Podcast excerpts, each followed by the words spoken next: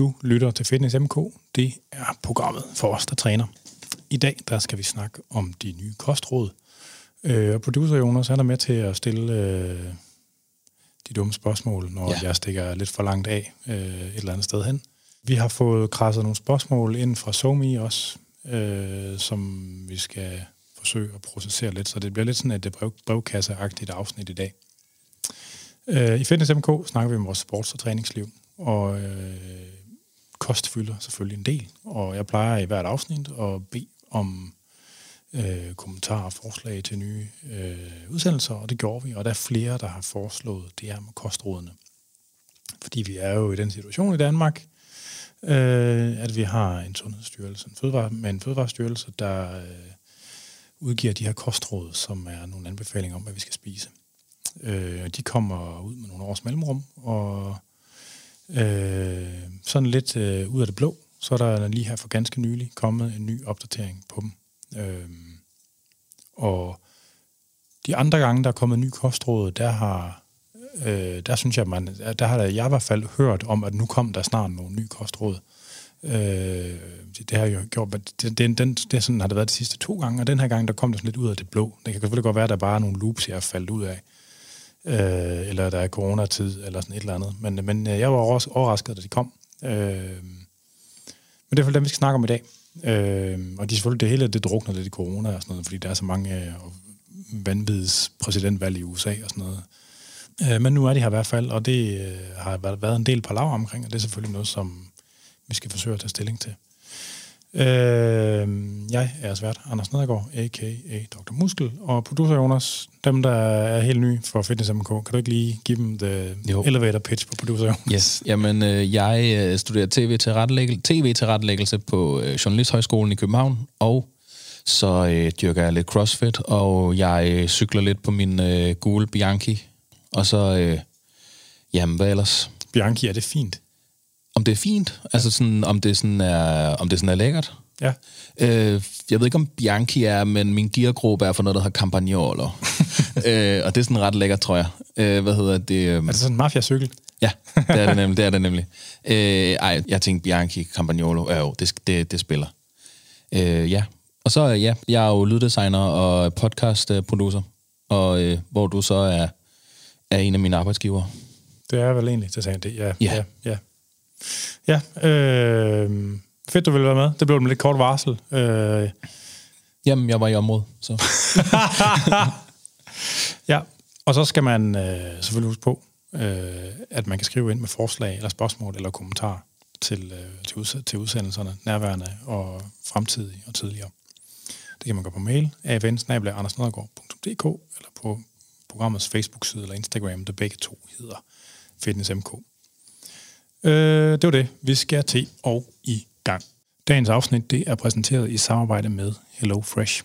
HelloFresh det er verdens største leverandør af måltidskasser, og øh, ja, de forsøger at gøre folks liv lettere ved at øh, spare dem for nogle indkøbsture og øh, beslutninger for, hvad for noget mad man nogle gange skal lave ved at levere dem. Og der er mulighed for, at man kan pers- hvad hedder det, individualisere det, man får. Man kan vælge mellem fire forskellige kategorier af måltidskasser. Øh, hurtig, børnevenlig, vegetarisk og klassisk. Og man kan vælge, om man vil have det til tre, fire eller fem måltider, formodentlig aftensmåltider i de fleste tilfælde om ugen, og man kan vælge, om det er til to eller fire personer. Derudover, så, øh, når man har valgt antallet af måltider per uge, så bliver man tilforordnet de her retter, som der hører til, og man har så mulighed for at vælge til og fra ud af sådan en panel af 14 retter per uge i alt. Derudover så har de en øh, meget fleksibel øh, leveringsordning, øh, som gør, at man ikke behøver at være hjemme hele tiden øh, i det leveringsvindue, man har bestilt. De har sådan en fin ordning, man får sms'er, øh, når man kan se bilen ved tæt på, så man ved, hvornår den kommer i forvejen. Og så er det den eneste måltidskasse løsning, som er øh, 100% CO2-neutral. HelloFresh de har været rigtig søde og har lavet en rabatkode, som øh, Findes MK's lytter kan bruge til at få noget, nogle billige måltidskasser, billigere. Og øh, den her koden det er HelloFit, H-E-L-L-O-F-I-T, og den giver op til 725 kroners rabat på de første fire kasser, altså svarende til de første fire uger med øh, fra HelloFresh. Så øh, tak for det, HelloFresh.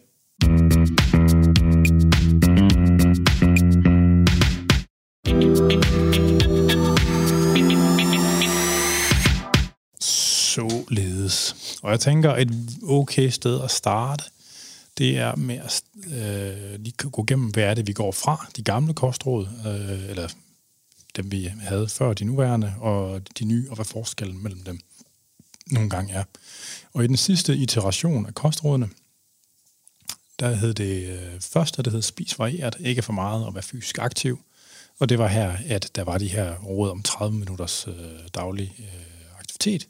Og jeg kan huske, at dengang de blev indført, der var der en masse palaver omkring, at hvorfor fanden skulle der nu være noget med fysisk aktivitet i kostrådene. Øh, men det var sådan set et meget godt råd, men man kan selvfølgelig diskutere, hvor meget det har med kost at gøre. Mm. Så er der at spise frugt og mange grøntsager. Og øh, rådet, det var vist, at med mindst halvdelen, eller højst halvdelen af det måtte være frugt, og et stykke frugt kunne være erstattet af frugtjuice. Øh, så stod der spise mere fisk, og der stod spise fuldkorn, det var nummer 4. Nummer 5, det var vel magert kød og kødpålæg. Og det der kødpålæg, det stak altid for mig. Altså, øh, fordi det der med processeret, altså kødpålæg er jo per definition højt forarbejdet kødprodukter, og det, det, det tyder på, at der er nogle problemer med det. Men, men sådan er der så meget der. Så står der vel magre mejeriprodukter, og der var selvfølgelig, og det her, den gik igen fra det med det magre kød, og det kommer vi til at snakke om lidt senere. Øh, og der spis, øh, var et råd, der hedder spis mindre mættet fedt, som var sådan en double whammy ovenpå alt det der med, at man skulle spise, vælge mere mejeriprodukter og mere, mere kød. Øh, det var nummer syv. Så nummer otte, det var at spise mad med mindre salt. Og nummer 9, det var at spise mindre sukker. Og nummer 10, det var at drikke vand. Øh, så vi havde 10 kostråd, og jeg tror egentlig, det har været 10 af dem i de sidste relativt mange iterationer. Jeg tror, der har været det så lang tid, jeg kan huske det i hvert fald. Øh, og de nye, de nye kostråd er således, at det hedder 1.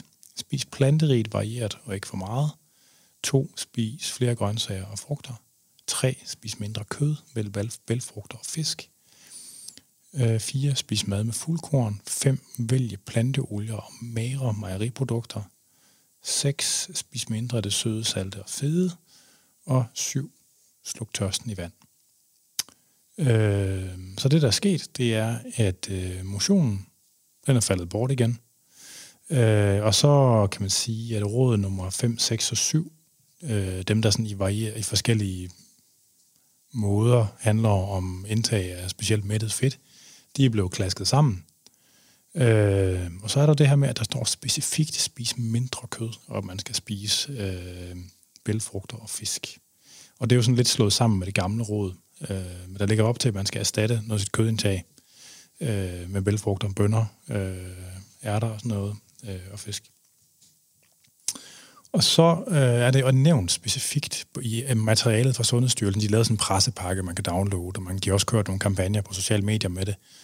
Øh, og man kan se på selve den, de billeder, der ligesom er blevet lagt op til at bruge på, på sociale medier, at der fremgår altså det her ord med klima øh, sammen med sundhed simpelthen. Og det er sådan helt eksplicit i talesat, at nu klimahensynet det er en del af det, man skal tænke på i forbindelse med kostrådene. Mm. Øh, og det er selvfølgelig nyt. Øh, fordi at selvom det, selvom det ikke sådan eksplicit er nævnt, og har været nævnt tidligere, det har det måske, men ikke sådan tydeligt, at, at så er der for en, en, en, formod, en forventning fra folket om, at det handler primært om, om sundhedshensyn. Ja. Men det hedder jo ikke sundhedsråd, det hedder kostråd, øh, for god ordens skyld. Men det der, det, det der med ligesom med, at klimaet specifikt er nævnt som en del af afsættet, det er nyt. Og øh, det tænker jeg, det var sådan øh, platformen for at komme i gang. Har jeg glemt noget? Sådan, eller noget, du tænker, der, øh, du har også set det, formoder Nej, men der, altså, jeg, har, jeg har spørgsmål til nogle af kostrådene, ja, ja. men jeg tror ikke, der er noget, du sådan har, øh, har, har glemt for, ligesom, at, at vi kan komme i gang. Jeg har siddet og nørklet med det her i formiddag, så du, du må skyde løs, ellers mm. øh, hvis der er noget. Ja, det skal jeg nok, hvis jeg finder noget. Så, så du sagde, du havde nogle spørgsmål? Nå, ja, det er rigtigt. Jamen, det er fordi, at jeg, jeg hæfter mig ved det der, der hedder... Øh, hvor fanden var det? Jo, vel, pl- vel planteolier. Ja. Altså, jeg kan ikke komme på nogen olier, der ikke er planteolier. Men det er fordi, der er en eller anden madgruppe, jeg ikke tænker på. Skal det være fiskeolie så? Nå, men jeg tror, altså, de mener, at man skal bruge olier som i modsætning til smør eller ghee eller sådan noget til at stege i. Eller Nå, på den måde. Ah, ja. okay. Altså plante fedtstoffer. Klart, okay. På Nå, den måde. Ah, så giver det mening. Ja. Øh, så er ikke noget spørgsmål alligevel. Og så er det jo, når jeg har, der, der var noget, jeg glemte at sige egentlig også, at det jo, der, der står specifikt nævnt, at kartofler, nødder, tørret frugt, svampe og oliven, de tæller ikke med i øh, frugt og grønt rådet. Nå. Øh, og vi kommer til at snakke om flere af dem senere. Øh, vi kan godt lige tage noget af det nu.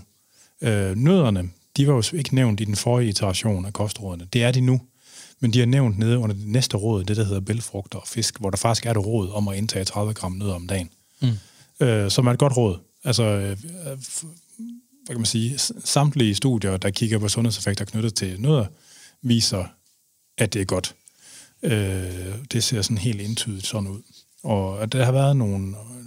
Jeg ved, at der, DTU de har tidligere lavet sådan en rapport øh, om, om nødeindtag, fordi der har været nogle bekymringer omkring, at specielt paranødder og macadamianødder, de kan indeholde noget, der er aflatoxiner. Mm-hmm. Øh, men det ser ud til faktisk, at sundhedsgevinsterne knyttet til det at spise nødderne i rimelige mængder, og faktisk også lidt højere end det, er større end de skadeseffekter, der måtte være, knyttet, der knytter til de aflatoxiner, så det er simpelthen ikke noget, man skal bekymre sig om. Men, men grunden til, at nødder er ikke nævnt under grøntsager og frugt, det er, fordi den, de er puttet ned under det næste punkt. Øh, kartofler, det er jo grunden til, at de ikke er den med, det er jo nok, fordi de tænker, at det sådan er for... Altså, der er jo det her begreb næringstæthed, der handler om mikronæringsstoffer og fytonæringsstoffer, og der kan man sige, der ligger kartofler nok lavere end så mange andre. Mm. Øh, men om den slet ikke skal tælle med, det, det er måske sådan lidt... I don't know. Altså, jeg, jeg spiser ret mange kartofler. Ja, øhm. altså det, så, så kunne man måske vælge at sige, at de skulle tælle en tredjedel eller en fjerdedel, men ja. I don't know. Det, øh, altså, fordi selvfølgelig er kartofler også en grøntsag. Hvad, hvad, hvor, hvor er guldrødder så henne, eller ja. bedre i forhold til, at det bliver sådan noget, det bliver noget mærkeligt noget. Nå, øh, tørret frugt er, er undtaget, og jeg vil formode, at øh, det er en overvejelse, der handler om øh, vægt. At de er bange, fordi tørret frugt er ekstremt energitæt. Mm-hmm. Altså, øh, rosiner, der er mere energi, end der er i sirup mm. per 100 gram. Altså, ja. Øh, men der er faktisk lavet flere studier, og jeg tror, jeg, så vidt jeg husker, så er der faktisk også evidens på meta-analyseniveau for, at hvis man sætter folk til at spise en, bestemt mængde tørret frugt per dag, underforstået, at de så spiser mindre af noget andet, øh, altså ser det ikke ud til, at folk tager på at spise tørret frugt. Så de må... Okay. Altså sådan, at man kan selvfølgelig godt snakke det, men hvis man har snacking-adfærd eller, over, eller har en grad overspisning, så kan man få for meget lige meget hvad som helst. Altså, det, det er ikke det, der er problemet. Men, øh, så det kan man sådan... Ja, det er måske... Det, det er også lidt sært. Oliven tæller heller ikke med, ikke? På trods af, at oliven er ret entydigt er en grøntsag. Ja. Øh, og jeg, ret, jeg vil tro igen, at det er den her overvejelse om vægt, der er på spil. Altså, at de bange, det er en relativ energitæt, det er jo lidt bær, det kan også være en opsfugl med frugtbund, jeg ved det ikke helt. Ja. Og det er jo fermenteret, alting, det er jo pissegodt, det skulle være pissegodt, at ting er fermenteret, ikke? Men, øh, men jeg tror, som en grund til, at det ikke er med, det er, for, det er nogle overvejelser omkring, at, at man tænker, at det er for energitæt. Ja. Øh, men det ser ikke, altså de studier, der er lavet på det, heller ikke, de ser heller ikke ud til at indikere, at et øh, olivenindtag i sig selv, det er knyttet til vægtforøgelse, faktisk. Mm. Øh, og så svampe er også undtaget. Og jeg vil, jeg vil tro, at grunden til, at svampe er undtaget, det er fordi, at svampe indeholder nogle stoffer, lidt, lidt parallelt med de aflatoxiner, så findes der noget svampe, der hedder hydraziner, som er levertoksiske. Øh, hvis man spiser rigtig mange svampe, så kan det faktisk godt være et problem. Øh, men stadigvæk, så er det sådan... Hvad er rigtig mange svampe? Øh, et kilo om dagen. Sådan noget. Okay, altså, det er også man, man skal op i sådan noget. Ja, okay. Og der, så er der også, der er også, der er også noget med, at der, der er også forskel på forskellige typer svampe. Øh, almindelige champignoner, de ligger relativt højt men der er også noget med, at forskellige dyrkningsformer kan resultere i forskellige niveauer af de aflatoxiner. Så det er sådan okay. lidt, det er lidt svært at blive klog på præcis, hvornår det er problematisk og ikke er problematisk. Men altså, mig bekendt, så har der jo ikke været forgiftningstilfælde med aflatoxiner i Danmark. Spørgsmål, når man ikke også komme af med det igen, før man når at have indtaget nok? Altså, når, når, du, når du ikke at og det, det, det kan godt lade sig gøre. Nå, okay. Men jeg, jeg tror ikke i dansk historie, sådan en nyere dansk historie, at der rent faktisk har været tilfælde mm. af, at folk har fået aflatoxin, leversvigt, af at spise almindelige svampe. Mm. Det tror jeg ikke, der har været. Øh, men det er selvfølgelig, hvad det er. Øh, ja.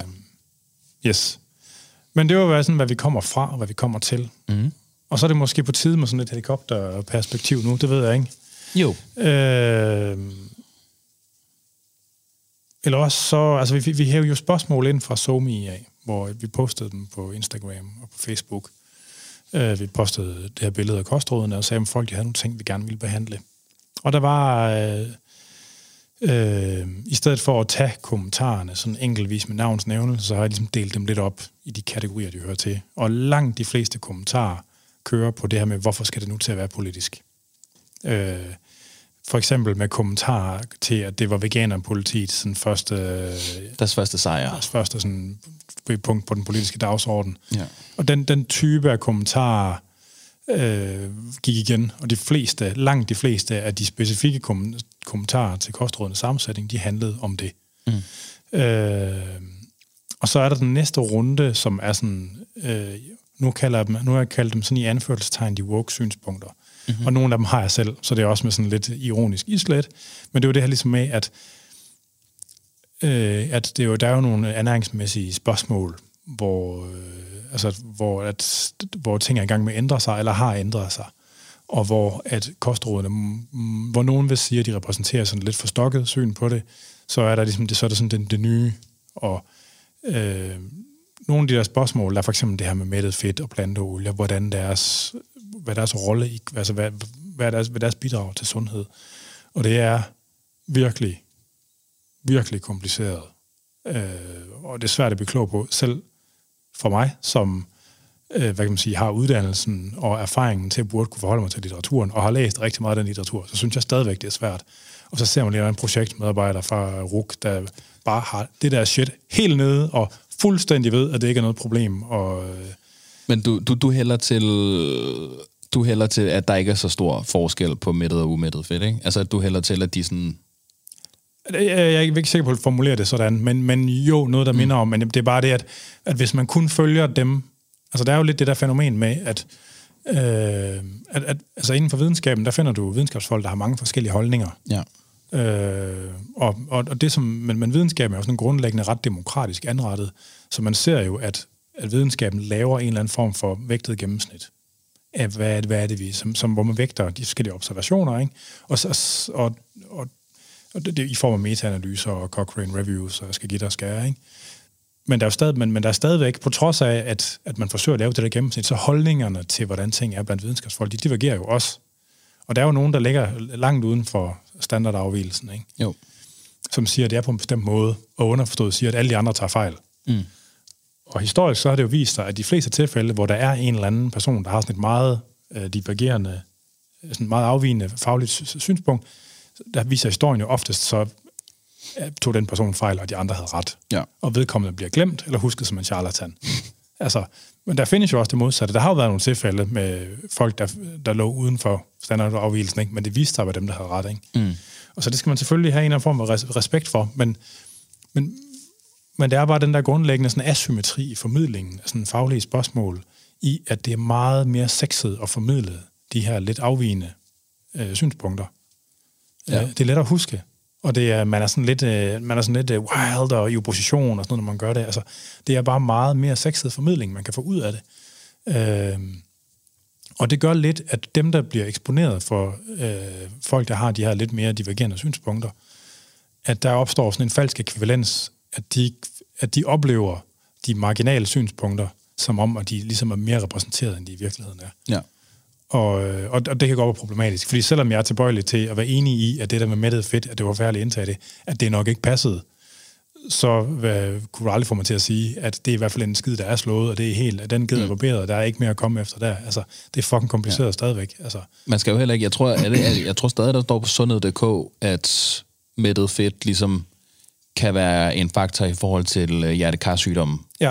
Øhm, så yes, ja. og, og det er jo, altså et af de steder, hvor det kommer til udtryk, det der, det er jo, at, at, at forskellige faggrupper også har forskellige syn på nogle af de der ernæringsfaglige spørgsmål. Mm-hmm. Og det er jo sådan noget, der kommer til udtryk, at, at hvis man kigger på de lægevidenskabelige, kardio, altså de kardiologiske lægevidenskabelige selskaber, dem der vedrører hjerte- og kredsløbssygdomme rundt omkring i verden, så plejer de at have et relativt konservativt øh, standpunkt i forhold, altså sådan øh, videnskabeligt konservativt standpunkt i forhold til det med mættet fedt og salt, i forhold til dem, der er ernæringsuddannet. Øh, og det er jo bare ekstremt svært at skulle forklare folk, øh, du, du skal tro på ham og ikke på ham, altså sådan, eller den faggruppe og ikke på den faggruppe, det er virkelig bøvlet. Ikke? Jo. Øh, så det er svært, det der. Ja. Øh, altså, jeg vil være, jeg, jeg er nok, vi kommer til at snakke lidt mere om det hen ad vejen, ikke? men jeg tilslutter mig flere af de der sådan lidt woke ting. Mm-hmm. Altså sådan, at det der med salt, det tyder nok også, er mere og mere, der tyder på, at det ikke rigtig var så stort et problem, skal man skulle tro. Og man har faktisk nogle ret gode forklaringer på, hvorfor det så ud til at være så slemt, som man, det så ud til at være i de første af de her altså sådan store studier, der kom. Øh, på. Kan der så være forskel på, hvad det er for noget salt? Eller er salt bare fucking salt? Øh, snakker vi, altså forskellige... Som noget flagesalt og groft salt med Ah, det er lige meget, det er lige meget, det er lige meget. Altså, det med jod, det er jo ikke lige meget, hvis der kommer atomkrig, for god ordens skyld. Eller når der kommer atomkrig. Mm. Altså, vi glæder os jo hver en dag. Det er jo, øh, det er jo hvad det er. Altså, nej, jamen, jeg det med en kalium i forhold til natrium og sådan. Altså, fordi kalium, der kan, der kan faktisk godt være et eller andet med det. Men, Ja. men kalium bidrager heller ikke i samme omfang med salt smag. Altså, mm. Så, og det, og det er jo derfor, der er mange, der bruger det. Nå, men, men det er de der, altså ligesom der, hvis, hvis, hvis, hvis man vidderligt er det standpunkt, at det der med mættet fedt, det er i hvert fald bare fuldstændig lige meget, om man indtager det på alle tænkelige måder, at så, så det, at det, at det er nævnt stadig i kostråden, det bliver selvfølgelig en pind i øjet, mm. eller en, en tårn i øjet, eller en gren, eller hvad det nu er. Pik. En pæk i øjet, ja, præcis. Øhm, og der dukkede også et par spørgsmål op omkring det her med korn, ligesom at hvorfor, og, og mælk, mm-hmm. øh, som, og de sådan lige skridtet længere ude. Altså så begynder det at være sådan en lille smule alternativt. Øh, og der var, der var faktisk der var flere kommentarer på det her, ligesom med, at, at, at øh, korn, det er, jo noget, det er jo lidt noget træls noget at spise, så det, så det, det er noget mærkeligt noget, at der er råd specifikt om fuldkorn. Øh, og tilsvarende om, at, at nu kan jeg faktisk ikke engang huske om det med mejeriprodukter. Jo, mejeriprodukter, det er der stadigvæk. At, at altså, der er en formodning om, ligesom, at det skulle være farligt at indtage mejeriprodukter, og det tyder det ikke sådan rigtigt på, at det er. Mm. Øh, og det er jo fær, altså, hele, hele den her historie med, at mejeriprodukter, det er noget, vi skal have for at undgå at få, få glasknogler. Altså, det, det passer simpelthen ikke. Det var, det var, det har mest alt været et øh, dygtigt stykke lobbyarbejde, ikke? Men, men det, det, det kan man klare alle mulige steder fra. I virkeligheden så indtager det D-vitamin langt vigtigere end, øh, end det, ikke? Men, øh, men, så det var sådan en ting, de, altså så der er de woke, og så er der sådan de deciderede alternative synspunkter. Øh, og så har der været sådan lidt mere, hvad kan man sige, øh, øh, sådan videnskabs, øh, bibliometrisk synspunkt måske, som egentlig var øh, en ret god pointe. Og det er jo, at, at selve evidensgrundlaget for kostrådene, det er sådan en rapport øh, fra DTU, der, som, den hedder faktisk, lavet med evidensgrundlag for kostrådene. Okay. En lang rapport, hvor de ligesom forsøger at samle evidensen på området. Ja. Og den, det er den samme, som man brugte til det sidste kostråd. Den øh, samme rapport? Den samme, altså evidensgrundlaget på sundhedsspørgsmål er fuldstændig det samme. Nå. Så er der tilgået en rapport, så det er de der tusser på halsen, jeg har, mere eller mindre kronisk. Der er tilgået en rapport mere, der handler om det her klimaspørgsmål, som er sådan en opsamling på det, som så indgår som en ny del af det samlede grundlag. Ikke? Øh, og der kan man sige, der skulle man måske have ventet til, at man har fået lavet et nyt grundlag. Mm. Øh, og noget, noget af det, som den danske ernærings... Øh, hvad kan man sige, rådgivningspolitik er baseret på, det er jo også de her de nordiske næringsanbefalinger, som er sådan en opsamling over, øh, dels over, øh, hvad spiser vi i de skandinaviske lande, og hvad, hvordan ser det ud til at påvirke vores sundhed. Mm. Så det er sådan en opsamling på alle de skandinaviske kostundersøgelser. Øh, og den sidste udgave, den er fra 2012, og der plejer at komme en nordiske næringsanbefalinger cirka hver 8. år. Så det er snart. Så det, jeg ved ikke, hvor langt de er med det, men, mm. men altså inden for et år eller to, så burde den foreligge. Og der kan man sige, der var en diætist, der egentlig meget fint kommenterede, at det kunne sgu da egentlig godt være, at man skulle vente til, den var der igen. Ja. Altså, øh, og det er i virkeligheden et standpunkt, som jeg sagtens skal tilslutte mig. Mm.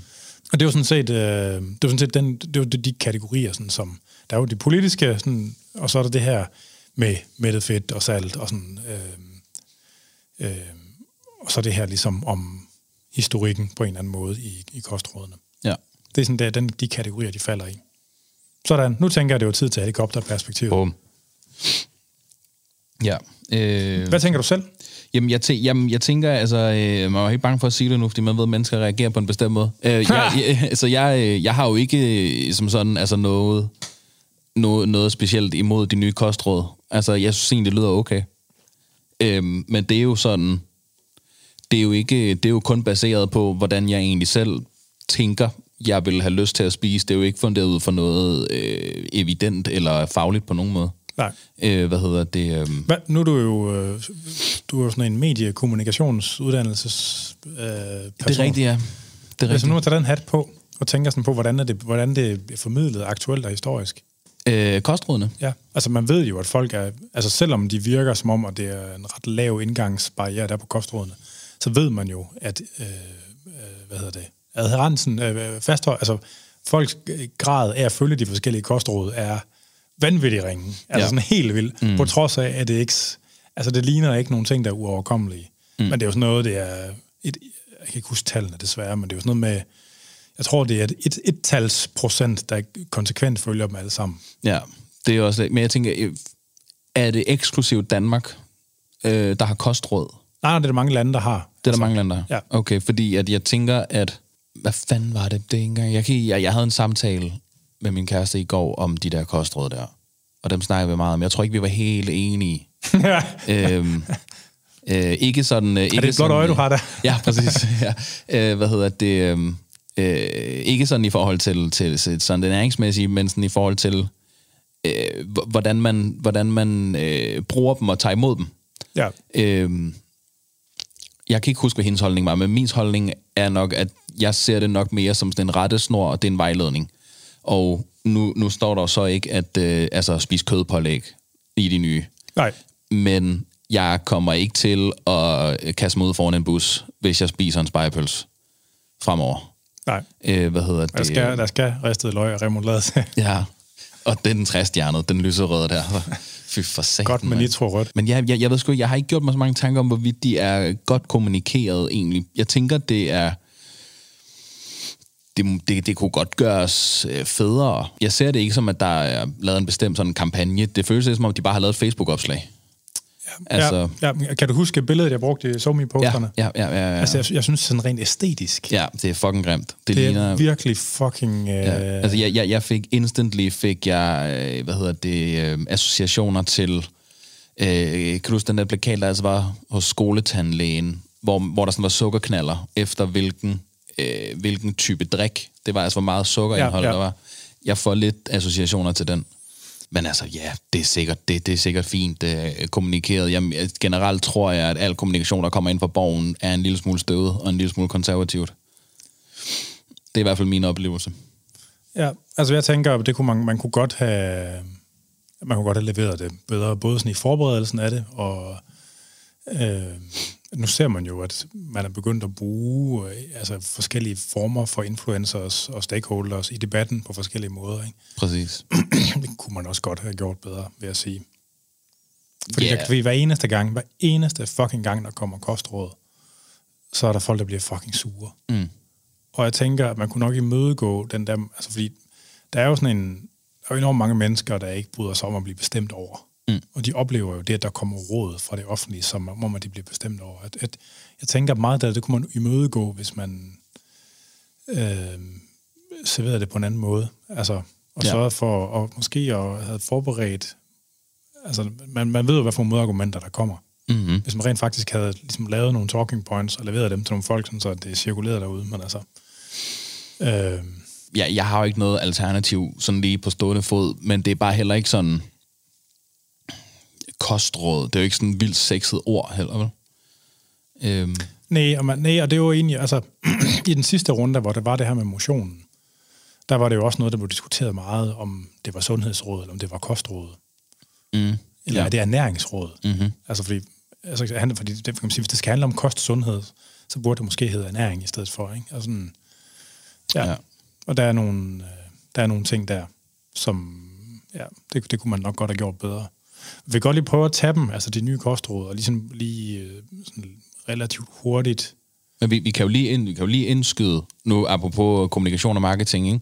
Ja. Altså, øh, hvis man gerne vil følge det nye kostråd, så er der jo udgivet en bog, der hedder Geniale Grønne Proteiner, som man jo godt kan købe. Ja, ja. Det er rigtigt. Øh, tak for, øh, hvad hedder det? The plug. For plug, ja. Øh, og jeg kan også godt skrive en sjov vittighed i den, hvis man køber den fra min øh, webshop af. Det er, ligesom, det, det er den dummeste ting, jeg nogensinde har lovet, det der med at skrive sjov vittigheder, når man, folk køber en bog fra min webshop, fordi nogle gange så tager det så fucking lang tid at finde på et eller andet. Kan du vedligeholde det alligevel? Ej, jeg har genbrugt et par stykker. Folk, ja. folk holdt heldigvis op med at spørge på et tidspunkt, Nå, fordi okay. okay. så, øh, det blev for, det blev for omsaggribende simpelthen. Vi fik ja. alle sammen den samme vidighed. Ja, jeg, jeg tænker, at de ikke, øh, at de ikke krydskoordinerer sådan. Ej, jeg har haft et par stykker. Hmm. Ej, men hvis man sådan skal gå igennem... Der står, at man skal spise planterigt, varieret og ikke for meget. Og det er jo mere eller mindre det samme, som var før. Mm. Og i toren, der står der at spise flere frugter, grøntsager og frugter. Ikke? Der er jo sådan lidt en dobbelthed gemt i det. Ikke? Og, og hvad kan man sige, meget, mange, mange sådan kostanbefalinger, de hviler jo, jeg ved godt, jeg har sagt det mange gange før, men nu kommer jeg til at sige det igen, de hviler sig dels på noget observationel forskning, altså de her befolkningsstudier, hvor man har spurgt folk, hvad de har spist, og så har man kigget på i en årrække. Nogle gange har man også målt, hvad de har spist objektivt. Man kan måle sådan noget lutein, som er sådan en markør for, hvor meget planter folk spiser, for eksempel. Øh, så har man målt, øh, øh, eller spurgt folk, hvad de har spist, og så har man kigget på deres forekomst af døde og forskellige sygdomme i en årrække bag, bagefter øh, befolkningsstudier. Og så findes der det andet, det er interventionsstudierne. Arne Astrup har for vaner at kalde dem for lodtrækningsstudier, hvor man siger til en, du skal gøre sådan, og du, anden, du skal gøre sådan, og du skal lave en eller anden kontrol.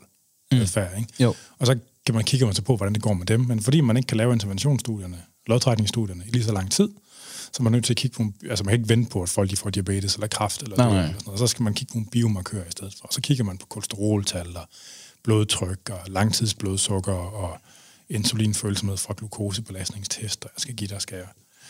Og det har jo været sådan historisk, at, øh, og, og øh, jeg ruller lige tilbage igen, hver af de her to typer af forskning rummer nogle problemer. Fordi at den observationelle forskning, befolkningsstudierne, der blander man sig ikke i, hvordan folk agerer. Mm. Og derfor kan de ikke sige noget om årsagssammenhæng.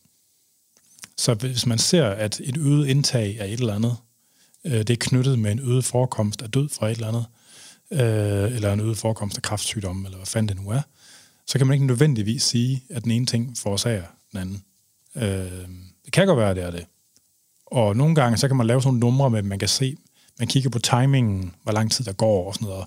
Man kan også kigge på, om der er dosis-responsforhold. Hvis der er dosis-responsforhold, det bliver betragtet som en styrkende parameter i forhold til at sige, om der er en virkelig sammenhæng. Ja. Øh, men de kan per definition ikke sige noget virkeligt om årsagssammenhæng, om kausalitet. Der kan godt være en fælles forklarende faktor. Så for eksempel rigtig mange af de befolkningsstudier, der blev lavet i USA i 60'erne, som gav ophav til den her lipidhypotese, som blev til fedtforskrækkelsen, der, fandt, der mm. så man jo nogle studier, hvor der var en meget stærk sammenhæng mellem at spise mange æg og kredsløbssygdomme. Okay. Og der har man så sidenhen fundet ud af, at det at øh, spise mange æg, det var simpelthen et surrogatmål for at have en dårlig kostkvalitet og en dårlig sundhedsadfærd generelt. For dem, der spiste flest æg, det var også dem, der røg mest og drak mest alkohol ja. og var dårligst kørende. Ikke? Så der er en masse confounders inde i det. Og nu har man så udviklet en masse statistiske metoder, så man kan rense for meget af det der, men man kan ikke rense for det hele. Mm. Øh, det kan simpelthen ikke lade sig gøre. Så det kan godt det kan give nogle indicier, det kan være hypotesedannende, men det kan ikke sige noget om årsagssammenhæng. Og man kan lave nogle numre nogle gange, der kan sandsynliggøre lidt mere, at der er en årsagssammenhæng, men det mm. kan ikke sige noget rigtigt om årsagssammenhæng. Øh, der skal man over og kigge på lodtrækningsstudierne. Problemet med dem, det er så, at det man kigger på der, det er jo noget andet, det er de her biomarkører i stedet for. Og øh, problemet ved de her biomarkører, det, det er de her, at altså, man sige, ofte så bliver det tolket på en meget ensartet måde, som om, at hvis du får et højere blodtryk, så har du en øget forekomst af hjertekarsygdom, for eksempel. Så, ja. det, så et forhøjet blodtryk, det bliver stort, altså altid uden undtagelse tolket som om, at det er noget, noget, der er negativt og usundt og knyttet til en større forekomst af kredsløbssygdomme. Øh, problemet er bare, at den sammenhæng, den ofte ikke... Man, man må antage, at hvis man kigger på, på en biomarkør, som for eksempel blodtryk, og man har en formodning om, at den er knyttet til øh, en øget forekomst af ja, kredsløbssygdomme, ikke? hvis man så kan kigger over i befolkningsstudierne, hvis den adfærd, der er knyttet til stigning i blodtryk, den ikke er knyttet til øh, en, en øget forekomst af kredsløbssygdomme derovre, hvad siger det så? Ja. Altså, og, og det er desværre mere reglen end undtagelsen, at man ser, at ting de påvirker en biomarkør, som blodtryk eller blodsukker eller LDL-kolesterol, uden det ser ud til at være forbundet med en øget forekomst af de sygdomme, man forbinder det med i befolkningsstudierne. Ikke? Jo. Øh, man kan så sige, at i befolkningsstudierne, der er der risiko for, at den ægte sammenhæng, der måtte være, at den kan være skjult af et modsatgående ja confounder. Det kan man ikke udelukke. Men, det er jo, men, men man ser så tit, at noget det påvirker en af biomarkør, uden det bliver til noget. Og der, vil, der, altså, der, der, den almindelige tolkning er, at det bare ikke er særlig tit, at en, at en stigning i blodtryk, eller, eller det er i hvert fald meget ofte, at en stigning i blodtryk, eller i HDL-kolesterol, eller LDL, whatever, ikke? at det ikke bliver oversat til en klinisk meningsfuld ændring i forekomsten af en sygdom. Mm. Altså det er meget lettere at få et signifikant resultat, hvis du kigger på insulinfølsomhed fra en glukosebelastningstest, end det er at få en signifikant forskel i forekomsten af sukkersyge. Altså på trods af, at befolkningsstudierne jo nogle gange er 100.000 vis eller millionvis af deltagere. Ikke? Ja. Øh, og der skal ligesom helst være overensstemmelse mellem de der to typer af forskning. Og noget af det her, et af, et af, et af, en af kilderne til de her diskrepanser i, øh, i, i ligesom, hvad man synes om mættet fedt, og hvad man synes om, det er, at nu, for eksempel med carnivore, øh, nu, vi tager lige et tidsspring, mm. øh, øh, hvis man tager forskellen mellem den måde, som carnivore-tilhængerne, altså den her diæt, hvor folk de kun indtager kød og organer øh, for dyr, i forhold til den måde, som altså de her science-veganerne ser på litteraturen. Ikke?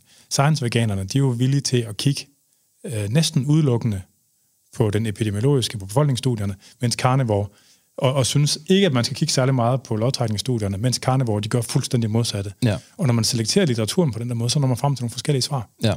Og det er ligesom, det, det er, det, det er noget af det, der er problematisk. Det kan man simpelthen ikke tillade sig. Man er nødt til at tage begge dele med. Og det, det er helt ideelt, det ville da bestemt være, hvis det kunne lade sig gøre at lave et randomiseret, kontrolleret studie, hvor man randomiserer folk til forskellige kostmønstre. Vi skal selvfølgelig helst have 50.000 i hver gruppe, ikke? og vi skal gerne køre det over 20 år, og vi skal have nogle forskellige aldersgrupper, sådan, så vi kan se, om folk får sygdom og dør. Det ville da være helt ideelt, men det kommer bare ikke til at ske. Mm. Altså, øh, jeg ved godt, det var et eksempel, men er det sådan, er det normalen, at der egentlig står to forskellige, nu kalder jeg det trosretninger, det giver sådan lidt religionagtigt, det kan det selvfølgelig også godt lyde virkelig lidt som. Jo. Øhm, er det regelmæssigt, at der står sådan to trosretninger over for hinanden, som begge to ligesom har, tager armen om videnskaben og siger sådan, I'm with him. Men det gør, det gør de begge to lidt jo. Ja, ja, det gør de, men det er bare deres forskellige, de selekterer bare videnskaben ja. på forskellige måder. Altså, og det, problemet er, hvis du smider al epidemiologi eller alle befolkningsstudier væk, så har du kun de der biomarkører, så aner du virkelig ikke noget, noget som helst. Ikke? Og så har man, man giver virkelig sig selv carte blanche til at gøre, hvad fanden man har lyst til. Ja. Altså, øh, det er lidt det, der sker. Fordi man kan sige, der, der, der er masser af studier, der viser for eksempel ens LDL-kolesterol. Det stiger, hvis du indtager rigtig meget mættet fedt. Men spørgsmålet er så, om det er skidt. Ja. Det er et andet spørgsmål, men det vælger det samtidig med at sige, det er det ikke. Men det, det udelukker man sig selv fra muligheden fra at, at rent faktisk tage stilling til, hvis man synes, at det befolkningsstudier ikke tæller. Giver det mening? Mm, ja, fuldstændig. Altså, men, men omvendt kan man sige, at, øh, at altså, veganer-retningen, ikke, de gør sig lidt skyldige i det modsatte. Ja. Altså, at de, fordi det, det tyder på, at at, at spise øh, grønt, det er bare fuldstændig indiskutabelt godt. Og, og rigtig meget af den her fedtforskrækkelse, øh, som vi der ligesom var i 90'erne og op til, ja, det ved jeg sgu ikke, 0'erne, 10'erne, det er ikke til at vide. Altså, øh, den var baseret på, at der var rigtig mange af de befolkningsstudier, hvor man så de her sammenhæng mellem indtag af mættet fedt og kolesterol, og så udviklingen, øh, og så, hvad hedder det, en stigning i LDL-kolesterol, øh, og, så, og så igen en stigning i forekomsten af kredsløbssygdomme. Men problemet, det var dels, at der var en masse confounders i form af øvrig sundhedsadfærd, øh, eller det var i virkeligheden primært det. At, at, og, og det er også tit, at, at forskellige former for kostadfærd, de ligesom følges ad. Øh, det er tit for eksempel, hvis man kigger på øh, magnesiumindtag. Mm-hmm. Magnesiumindtag kan ofte, sådan, kan godt lidt bruges som et surrogat for overordnet kostkvalitet. Okay. Fordi hvis man har en sundere kost, så vil der som næsten altid være væsentligt mere magnesium end hvis man har en, en mindre sund kost. Okay. Altså sådan, men der er nogle, så hvis man, har, hvis man har en kost, hvor der er rigtig meget mættet fedt, og der er meget salt, den vil ofte samvariere med en kost, hvor der er få grøntsager og alt det andet der, ikke? og ikke ja. særlig meget fisk og sådan. Magnet, det er broccoli og sådan noget, ikke? Jo, jo. Ja. Øhm, så det er bare, det er fucking bøvlet, det der. Ja. Altså, øh, men man, og jeg diskuterede lidt med en på Facebook bagefter faktisk. Ikke? Han sagde jo også, at han, han kunne i hvert fald ikke finde noget på et eller andet, når han kun kiggede på metaanalyser over RCT'er, øh, altså lovtrækningsstudier på ernæringsvidenskab. Ikke? Og sådan, there you have it. Ja. Det er derfor, du får det svar, som du har. Ikke? Mm. Og det er, øh, ja, det er problematisk.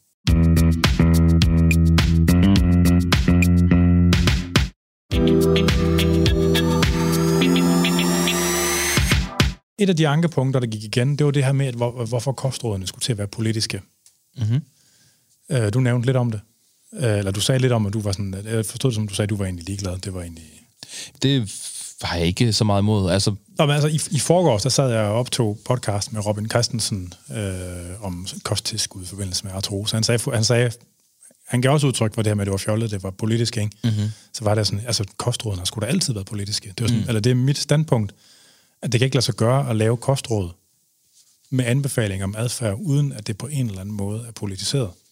Fordi dels så ligger der nogle forventninger om, øh, om hvad kan man sige, altså noget adfærdspsykologiske forventninger. Ikke? Hvordan skal man sætte baren for, hvad der er, for, hvad der, for, hvad der er bedst? Ja. Hvis man har sådan et meget borgerligt synspunkt, så tænker man, at så har man jo en tiltro til, at mennesker godt kan vælge det bedste, ikke? og så vil man, så vil man tilbøjelig til at sætte baren højere, mens hvis man har sådan lidt mere progressiv, kulturradikal, værdipolitisk venstreorienteret standpunkt, så er man villig til at gøre det modsatte. Ikke? Og sådan, øh, altså det har de altid været, og det, øh, altså i, i min optik i hvert fald. Men så kan man så diskutere, om det, skal, om det er en god ting, og man kan også diskutere om, øh, når nu folk bliver mopset over, at det er blevet en ting, så kunne det måske være, så kan det måske være, at man skal, øh, altså der er en forventningsaf, der er en forventningsafstemning imellem den offentlige institution og en stor gruppe af befolkningen, der ikke har været lavet forinden. Helt sikkert.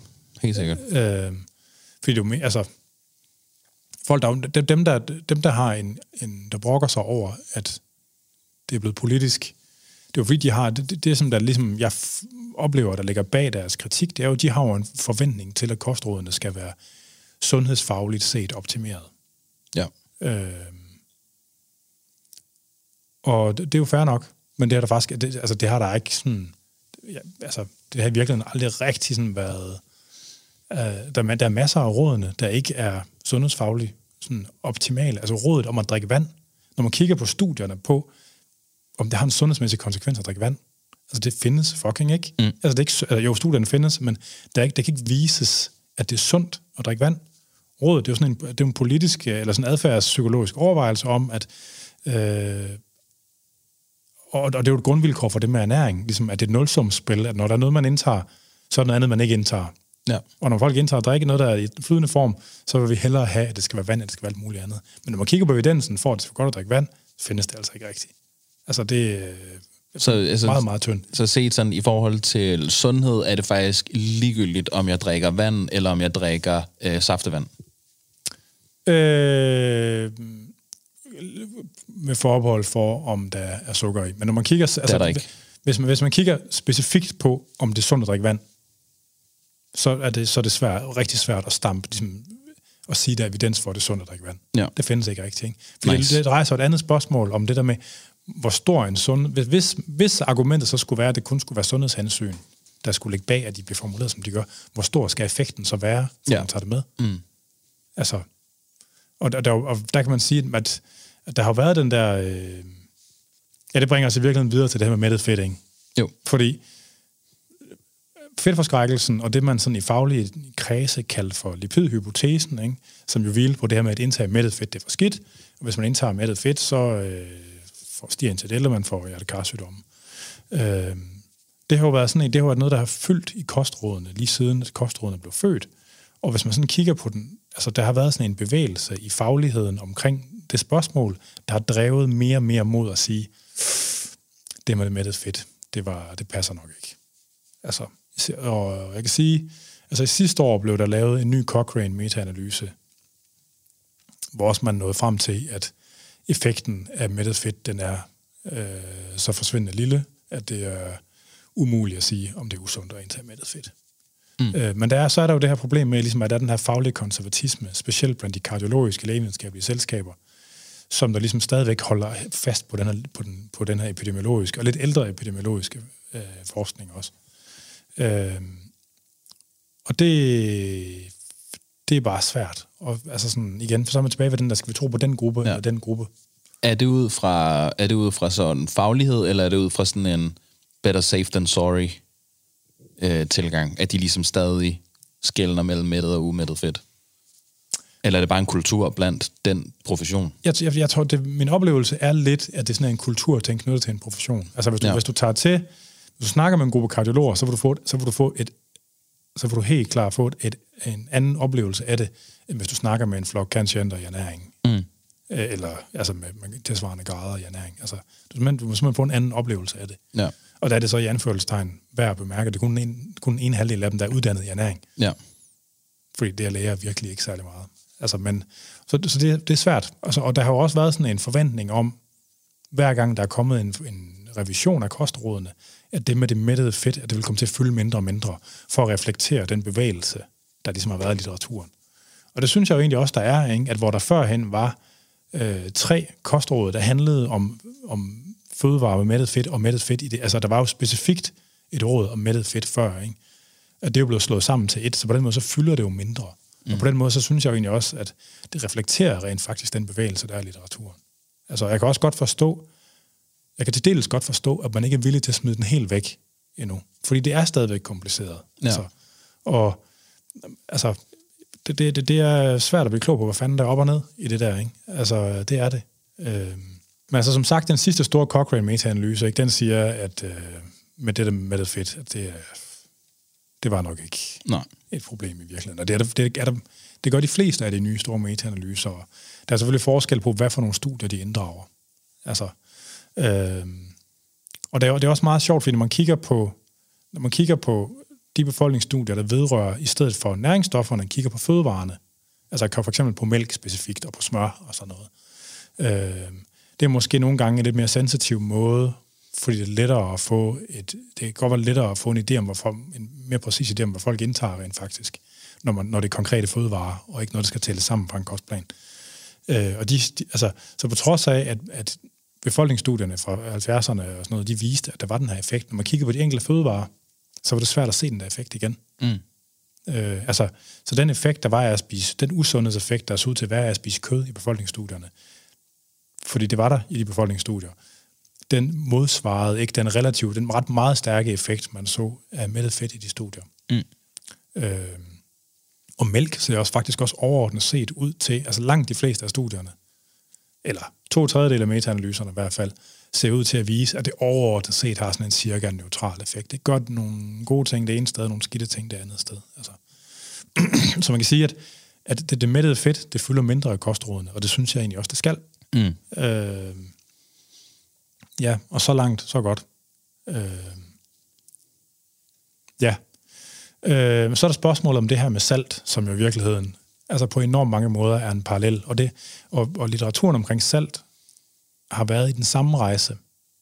Øh, altså det her ligesom med, at man var meget sikker på, at hvis man indtog mere salt, så holdt man mere væske i kroppen, fik højere blodtryk, det var skidt for kredsløbet, øget risiko for nyresvigt, alt det der knald øh, til, at det ikke er så stærkt længere. Og det tyder også på, at, øh, at, ligesom, at den her kurven af sundhedseffekter knyttet til saltindtag, den er uformet. Det er den for de fleste mikronæringsstoffer, eller det er den nok, det vil jeg faktisk tro, den er for alle mikronæringsstoffer. Mm. Øh, at, at det er ikke kun et problem at få for meget, det er faktisk også et problem at få for lidt. Ja. Øh, og det, og der er nogen i Danmark, der også får for lidt, så hvis de prøver at reducere deres saltindtag yderligere, så er det problematisk for dem. Øh, og samtidig med, øh, ja, og, og det er også, det er et af de her spørgsmål, der har den her, der er forskelligt repræsenteret i forskellige faggrupper, at, at de kardiologiske lægevidenskabelige selskaber har et lidt mere konservativt synspunkt, og ernærings, øh, altså uddannede har et, de er, lidt, de er veldig villige til at slippe, salt, slippe saltet noget mere. Ikke? Ja. Men jeg vil stadigvæk fastholde, at det er stadigvæk et kompliceret spørgsmål, der ikke er entydigt. Der findes saltfølsom hypertension. Der findes folk, der får højt blodtryk af at spise salt stadigvæk. Ja. Øhm, så det man kunne ønske, det var måske, og det ved jeg, det har en Astrup, det et synspunkt, som en Astrup har turneret med, at måske skulle man nøjes med at øh, have det her saltråd til folk, der har, øh, har grænserne til forhøjet blodtryk.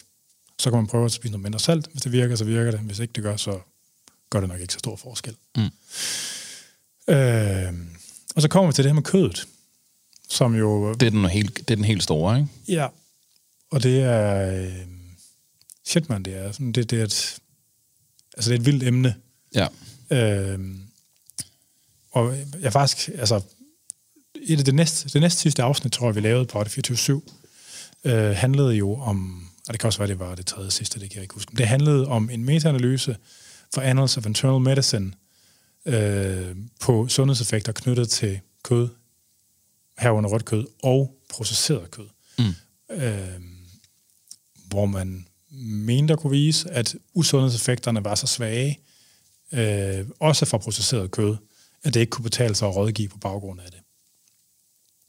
Og øh, det var sgu, og det, gav, gav en masse ballade, fordi at øh, der var inkluderet nogle studier, man forsøgte at kalde det uh, lodtrækningsstudier, ikke? men det var i virkeligheden ikke nogen, altså, det var ikke nogen særlig gode studier til det formål i virkeligheden. Øh, men det, det gav en masse palaver, fordi det var i konflikt med rigtig, meget af de her, rigtig mange af de her befolkningsstudier fra før. Fordi det mønster, som befolkningsstudierne ret tydeligt i talesat, det var, eller så ligesom beskrev for de forskellige typer kødprodukter, det var, at øh, processeret kød, altså saltet og røget kød, det så ud til med stor sikkerhed og knyttet til usundhedseffekter. Mm-hmm.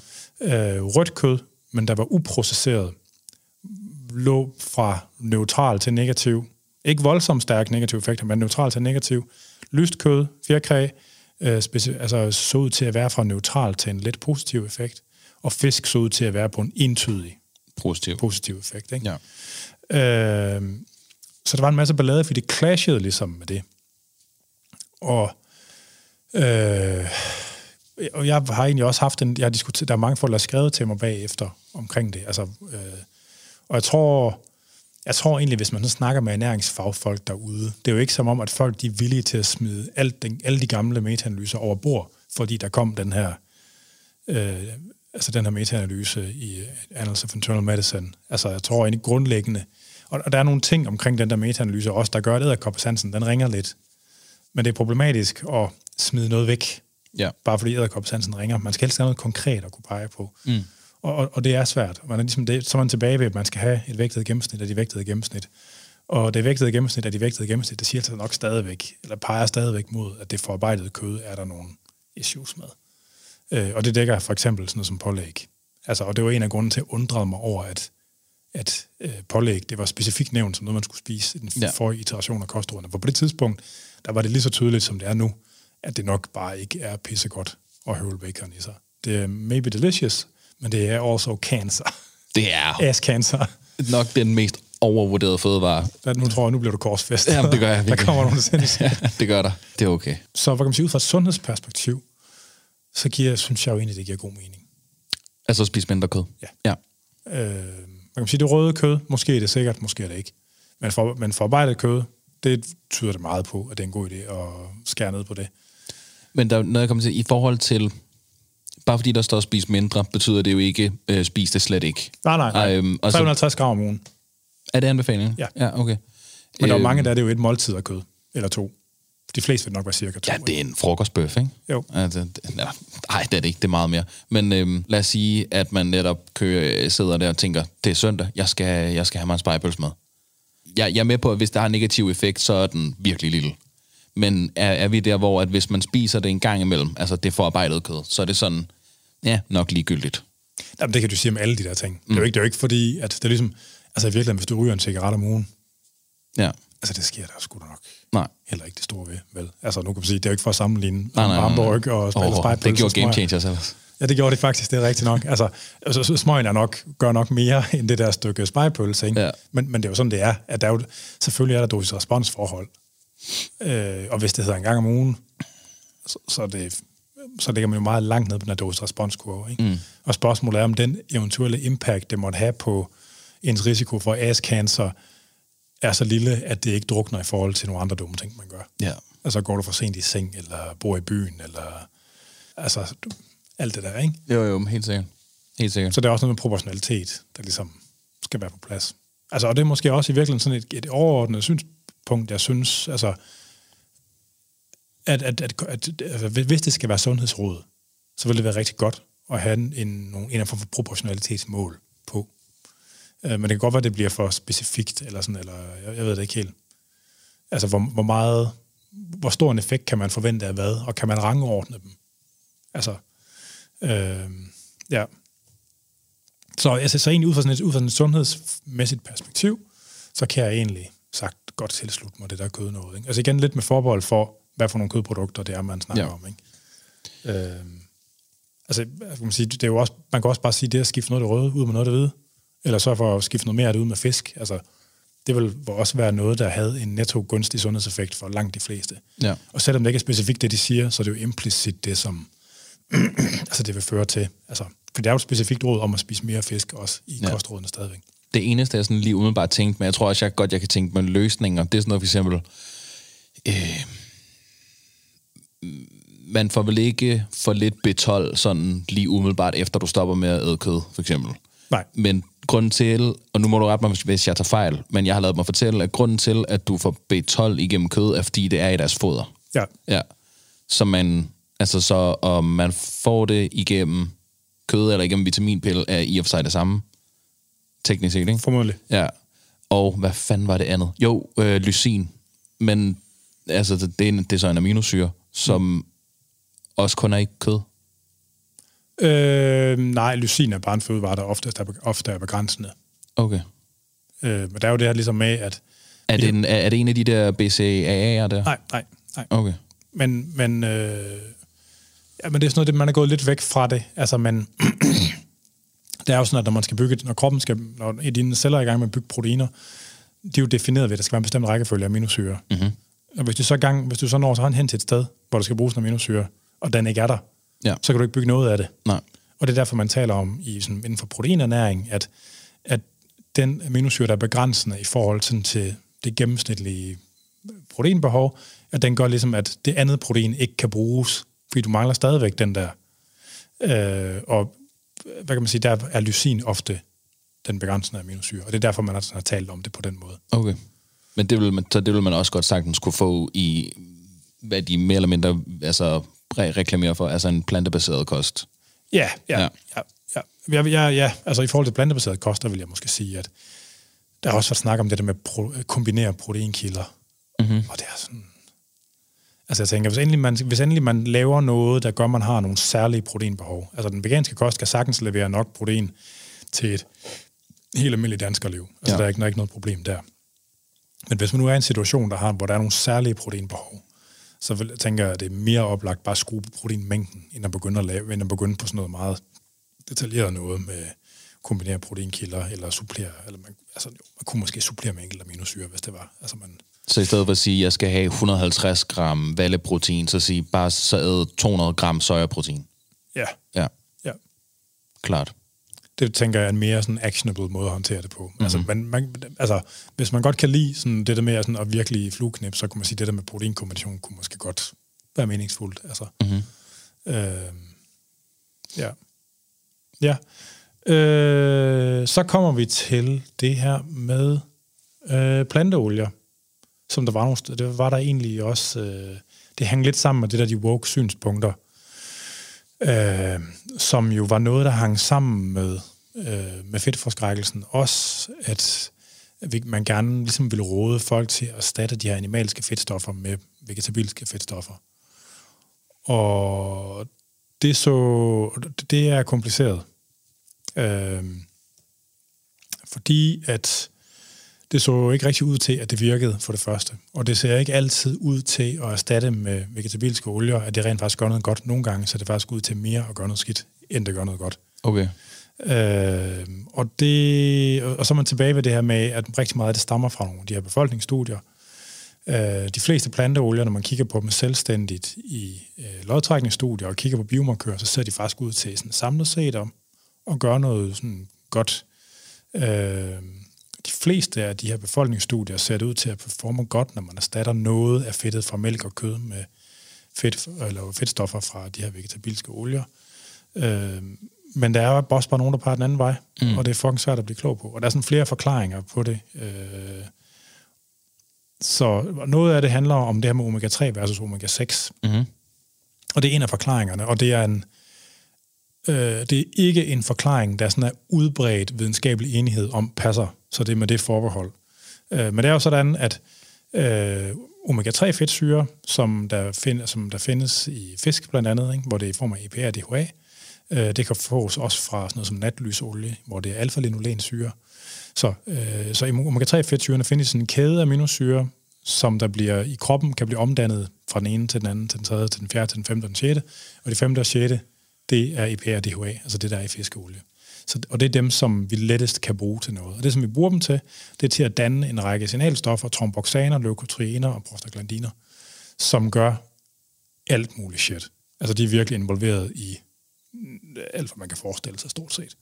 Øh, nogle af dem de er proinflammatoriske, nogle af dem de er antiinflammatoriske, og de gør noget alle mulige mærkelige steder. Knogler, insulinfølsomhed, nerve, øh, neurogenese, nervedannelsesting, og alt muligt mærkeligt involveret i. Og der er ret mange af dem. Altså, mm. jeg tror, der findes jeg ved ikke, 50, måske 100 produkter i alt fra DHA og EPA. Okay. Der er virkelig mange. Tilsvarende har vi så de her omega-6-fedtsyre, hvor det er det samme, at man har sådan en kæde, hvor det, altså man, eller man har du ved, et trin, hvor det bliver omdannet til nogle forskellige ting, Ja. øh, hvor de, nogle af de her forskellige omega-6-fedtsyre, de bliver også brugt til at danne nogle parallelle signalstoffer, også prostaglandiner, tromboxaner og leukotriener. Øh, men de klassificeres overvejende som værende mere proinflammatoriske. Og der er så det her for, forhold, at generelt set, at den her stivelsesholdige kost, vi har, altså hvor vi får meget, mange kornprodukter, der vil ofte være flere omega-6-fedtsyre i dem. Okay. Og mange af de her vegetabilske olier, de har også et højere indhold af omega-6-fedtsyre.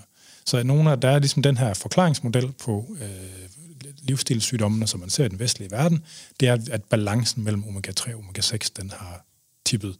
Og grunden til, altså, og rationalet mellem, og grunden, at grunden til, at man taler om dem sammen på den måde, det er, at de her enzymer, man skal bruge til at konvertere dem fra trin 1 til, 3, til 2 til 3 til 4 til 5 til 6, det er det samme enzym, man skal bruge til at konvertere fra trin 1 til 2 og Okay. fra omega-3 og omega-6 fedtsyrene. Mm-hmm.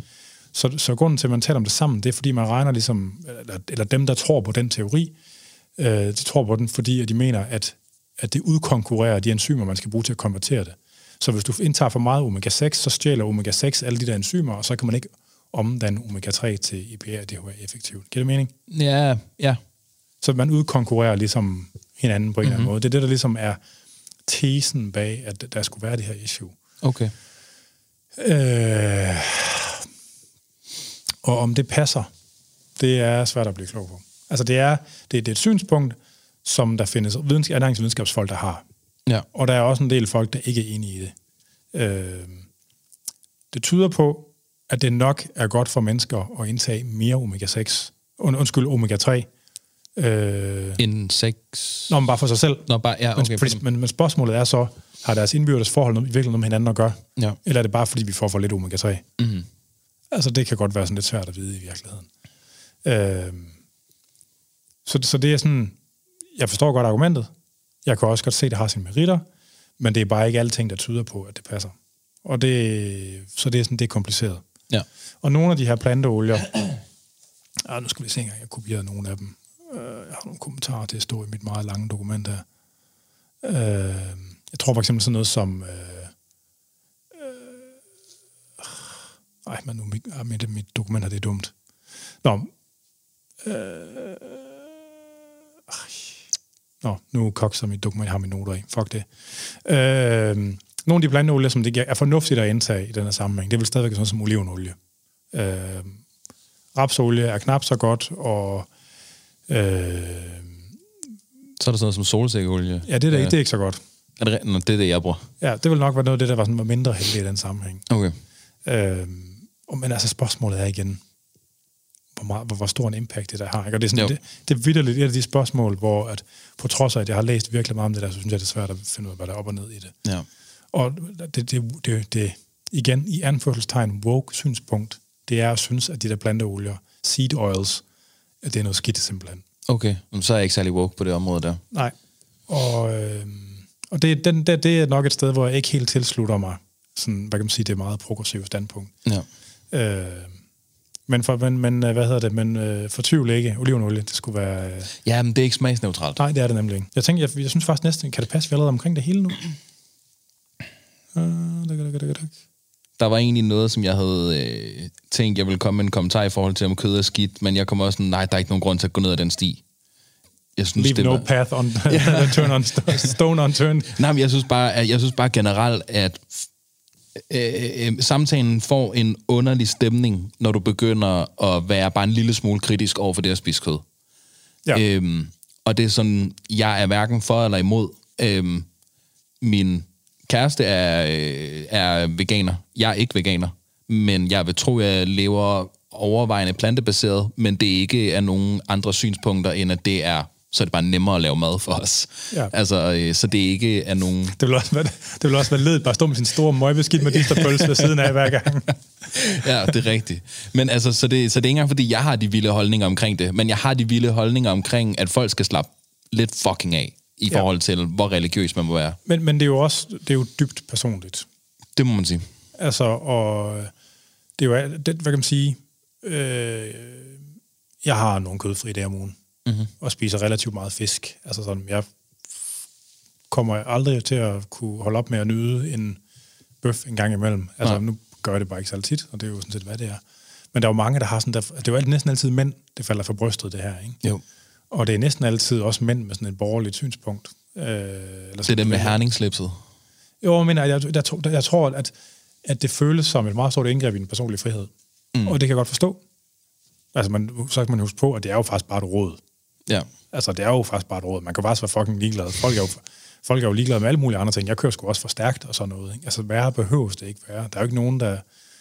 Altså, hvis man ville det her for alvor, sådan fra politisk side af, så skulle man jo begynde at skrue relativt hårdt på nogle afgiftsknapper. Og der kan man sige, der er jo masser af, hvor kan man sige, og det kan også godt være, at jeg ved ikke om ramaskriget, om, eller sådan, det er måske lidt for så lyder så dramatisk, men jeg ved ikke om kritikken af at have, altså klimaregulere vores kostadfærd, øh, om den var mindre, hvis det ikke er afgifter, fordi der er vi vant til, at der er afgifter knyttet til klima. Der er jo CO2-afgifter CO2-afgifter på alt muligt knald. Mm-hmm. Øh, jeg ved det ikke. Jeg tror stadig, folk de vil fucking mopsede, når man, når man blander sig i deres kødforbrug. Ja.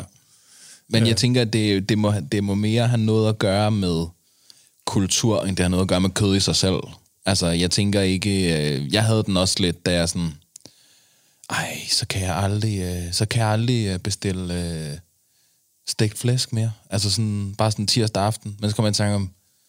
Ja, for det gør du helt vildt tit, Jonas. At det gør du, at spiser det aldrig jo. Så det er jo ikke, det er jo ikke noget tab for mig. Altså stegt øh, flæsk, det er også en af de her ting, der er altid bedre, når man tænker på det, når man får det. Men når man sådan går og glæder sig sådan, mm, det kunne være godt, ikke? så når man kommer ned og får det, så er det aldrig så godt. Men nogle gange så bliver man overrasket, så får man sådan en, en bagholdt stegt flæsk, så er det rigtig godt. Bagholdstikflæsk. Ja, det er rigtigt. Så det, er, det var mere tanke omkring, at jeg, kan, jeg, jeg, har ikke, jeg har ikke de store holdninger til det sundhedsmæssigt, pers- personligt, men ud fra sådan ideolo- ideologisk synspunkt om, at der er sådan en eller anden øh, fødevare, som er sådan særligt heldig over for kritik, der skal folk bare slappe lidt af. Altså, Ja. øhm, ja. Men altså, jeg tror, altså, det er jo...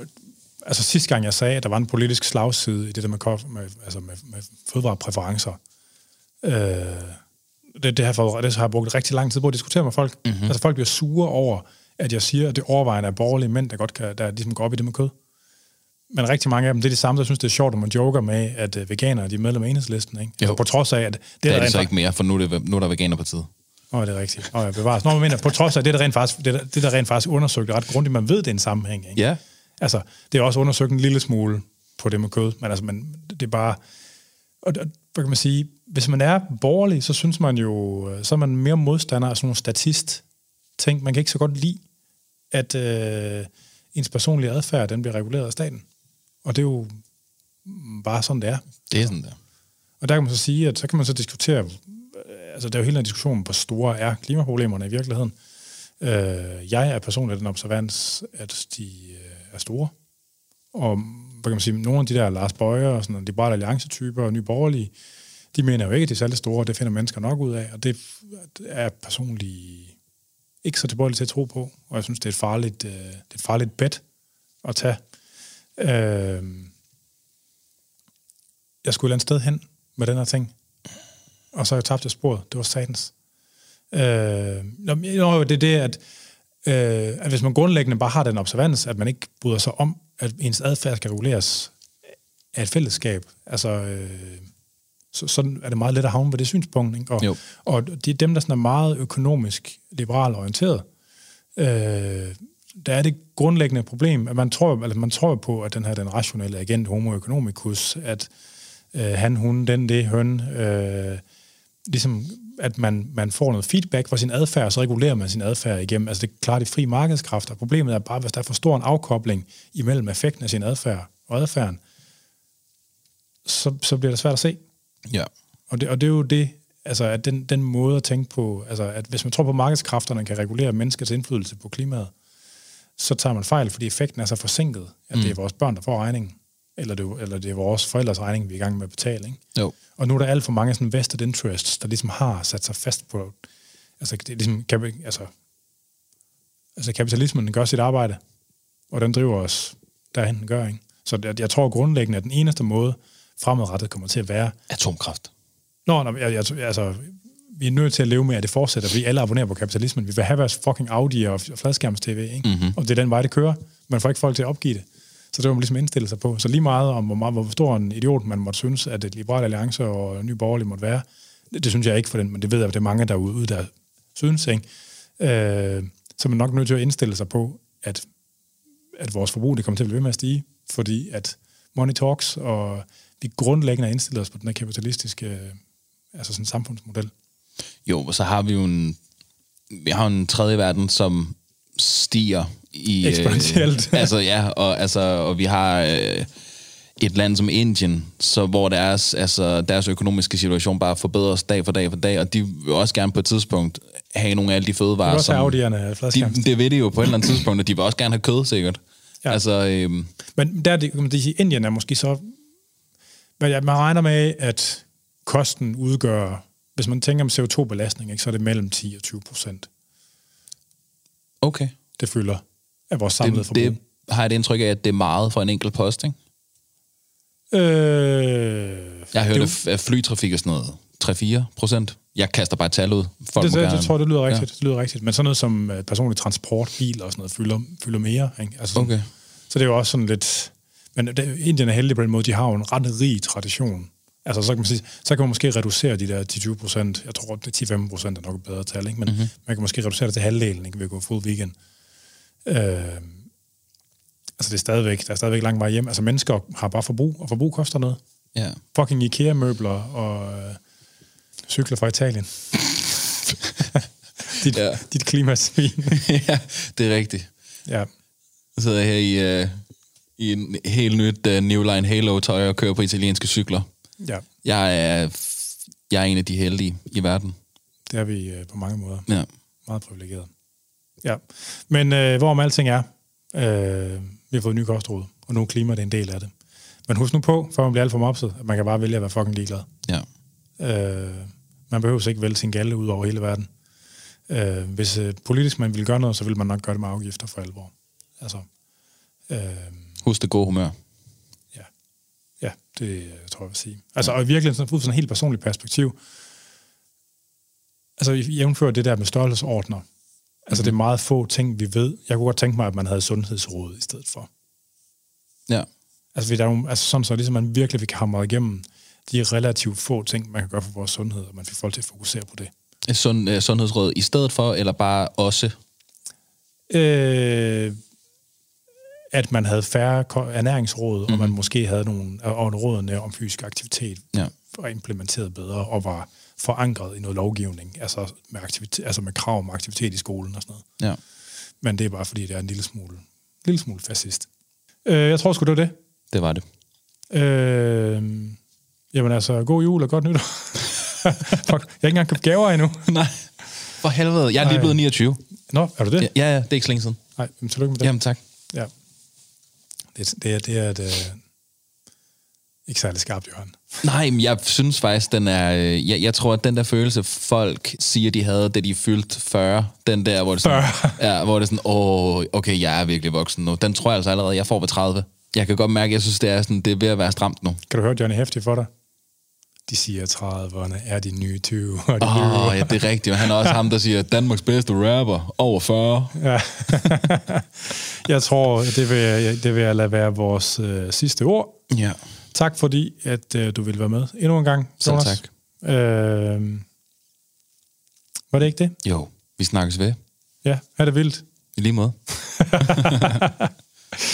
Du har lyttet til Fitness MK. Jeg hedder Anders Nedergaard, og du kan lytte med til den her og de andre episoder af Fitness MK via stream og podcast. Du kan streame det inden for andersnedergaard.dk eller vores host Spreaker, og du kan podcasten for alle de store podcasttjenester. Jeg vil gerne sige endnu en gang, at de gamle afsnit fra 24-7-tiden, de ligger på Podimo og 24-7-appen i et separat Fitness MK-feed, hvor de altså kan findes. Og de er ikke bag betalingsvæg, ikke på Podimo i hvert fald. Jeg ved ikke med 24-7-appen. Man kan logge ind gennem sin Facebook-konto, og så kan man høre dem. Programmet er produceret af producer Jonas, der sidder lige her, Jonas Pedersen, og man kan skrive ind til os på afn eller på programmets Facebook-side eller Instagram.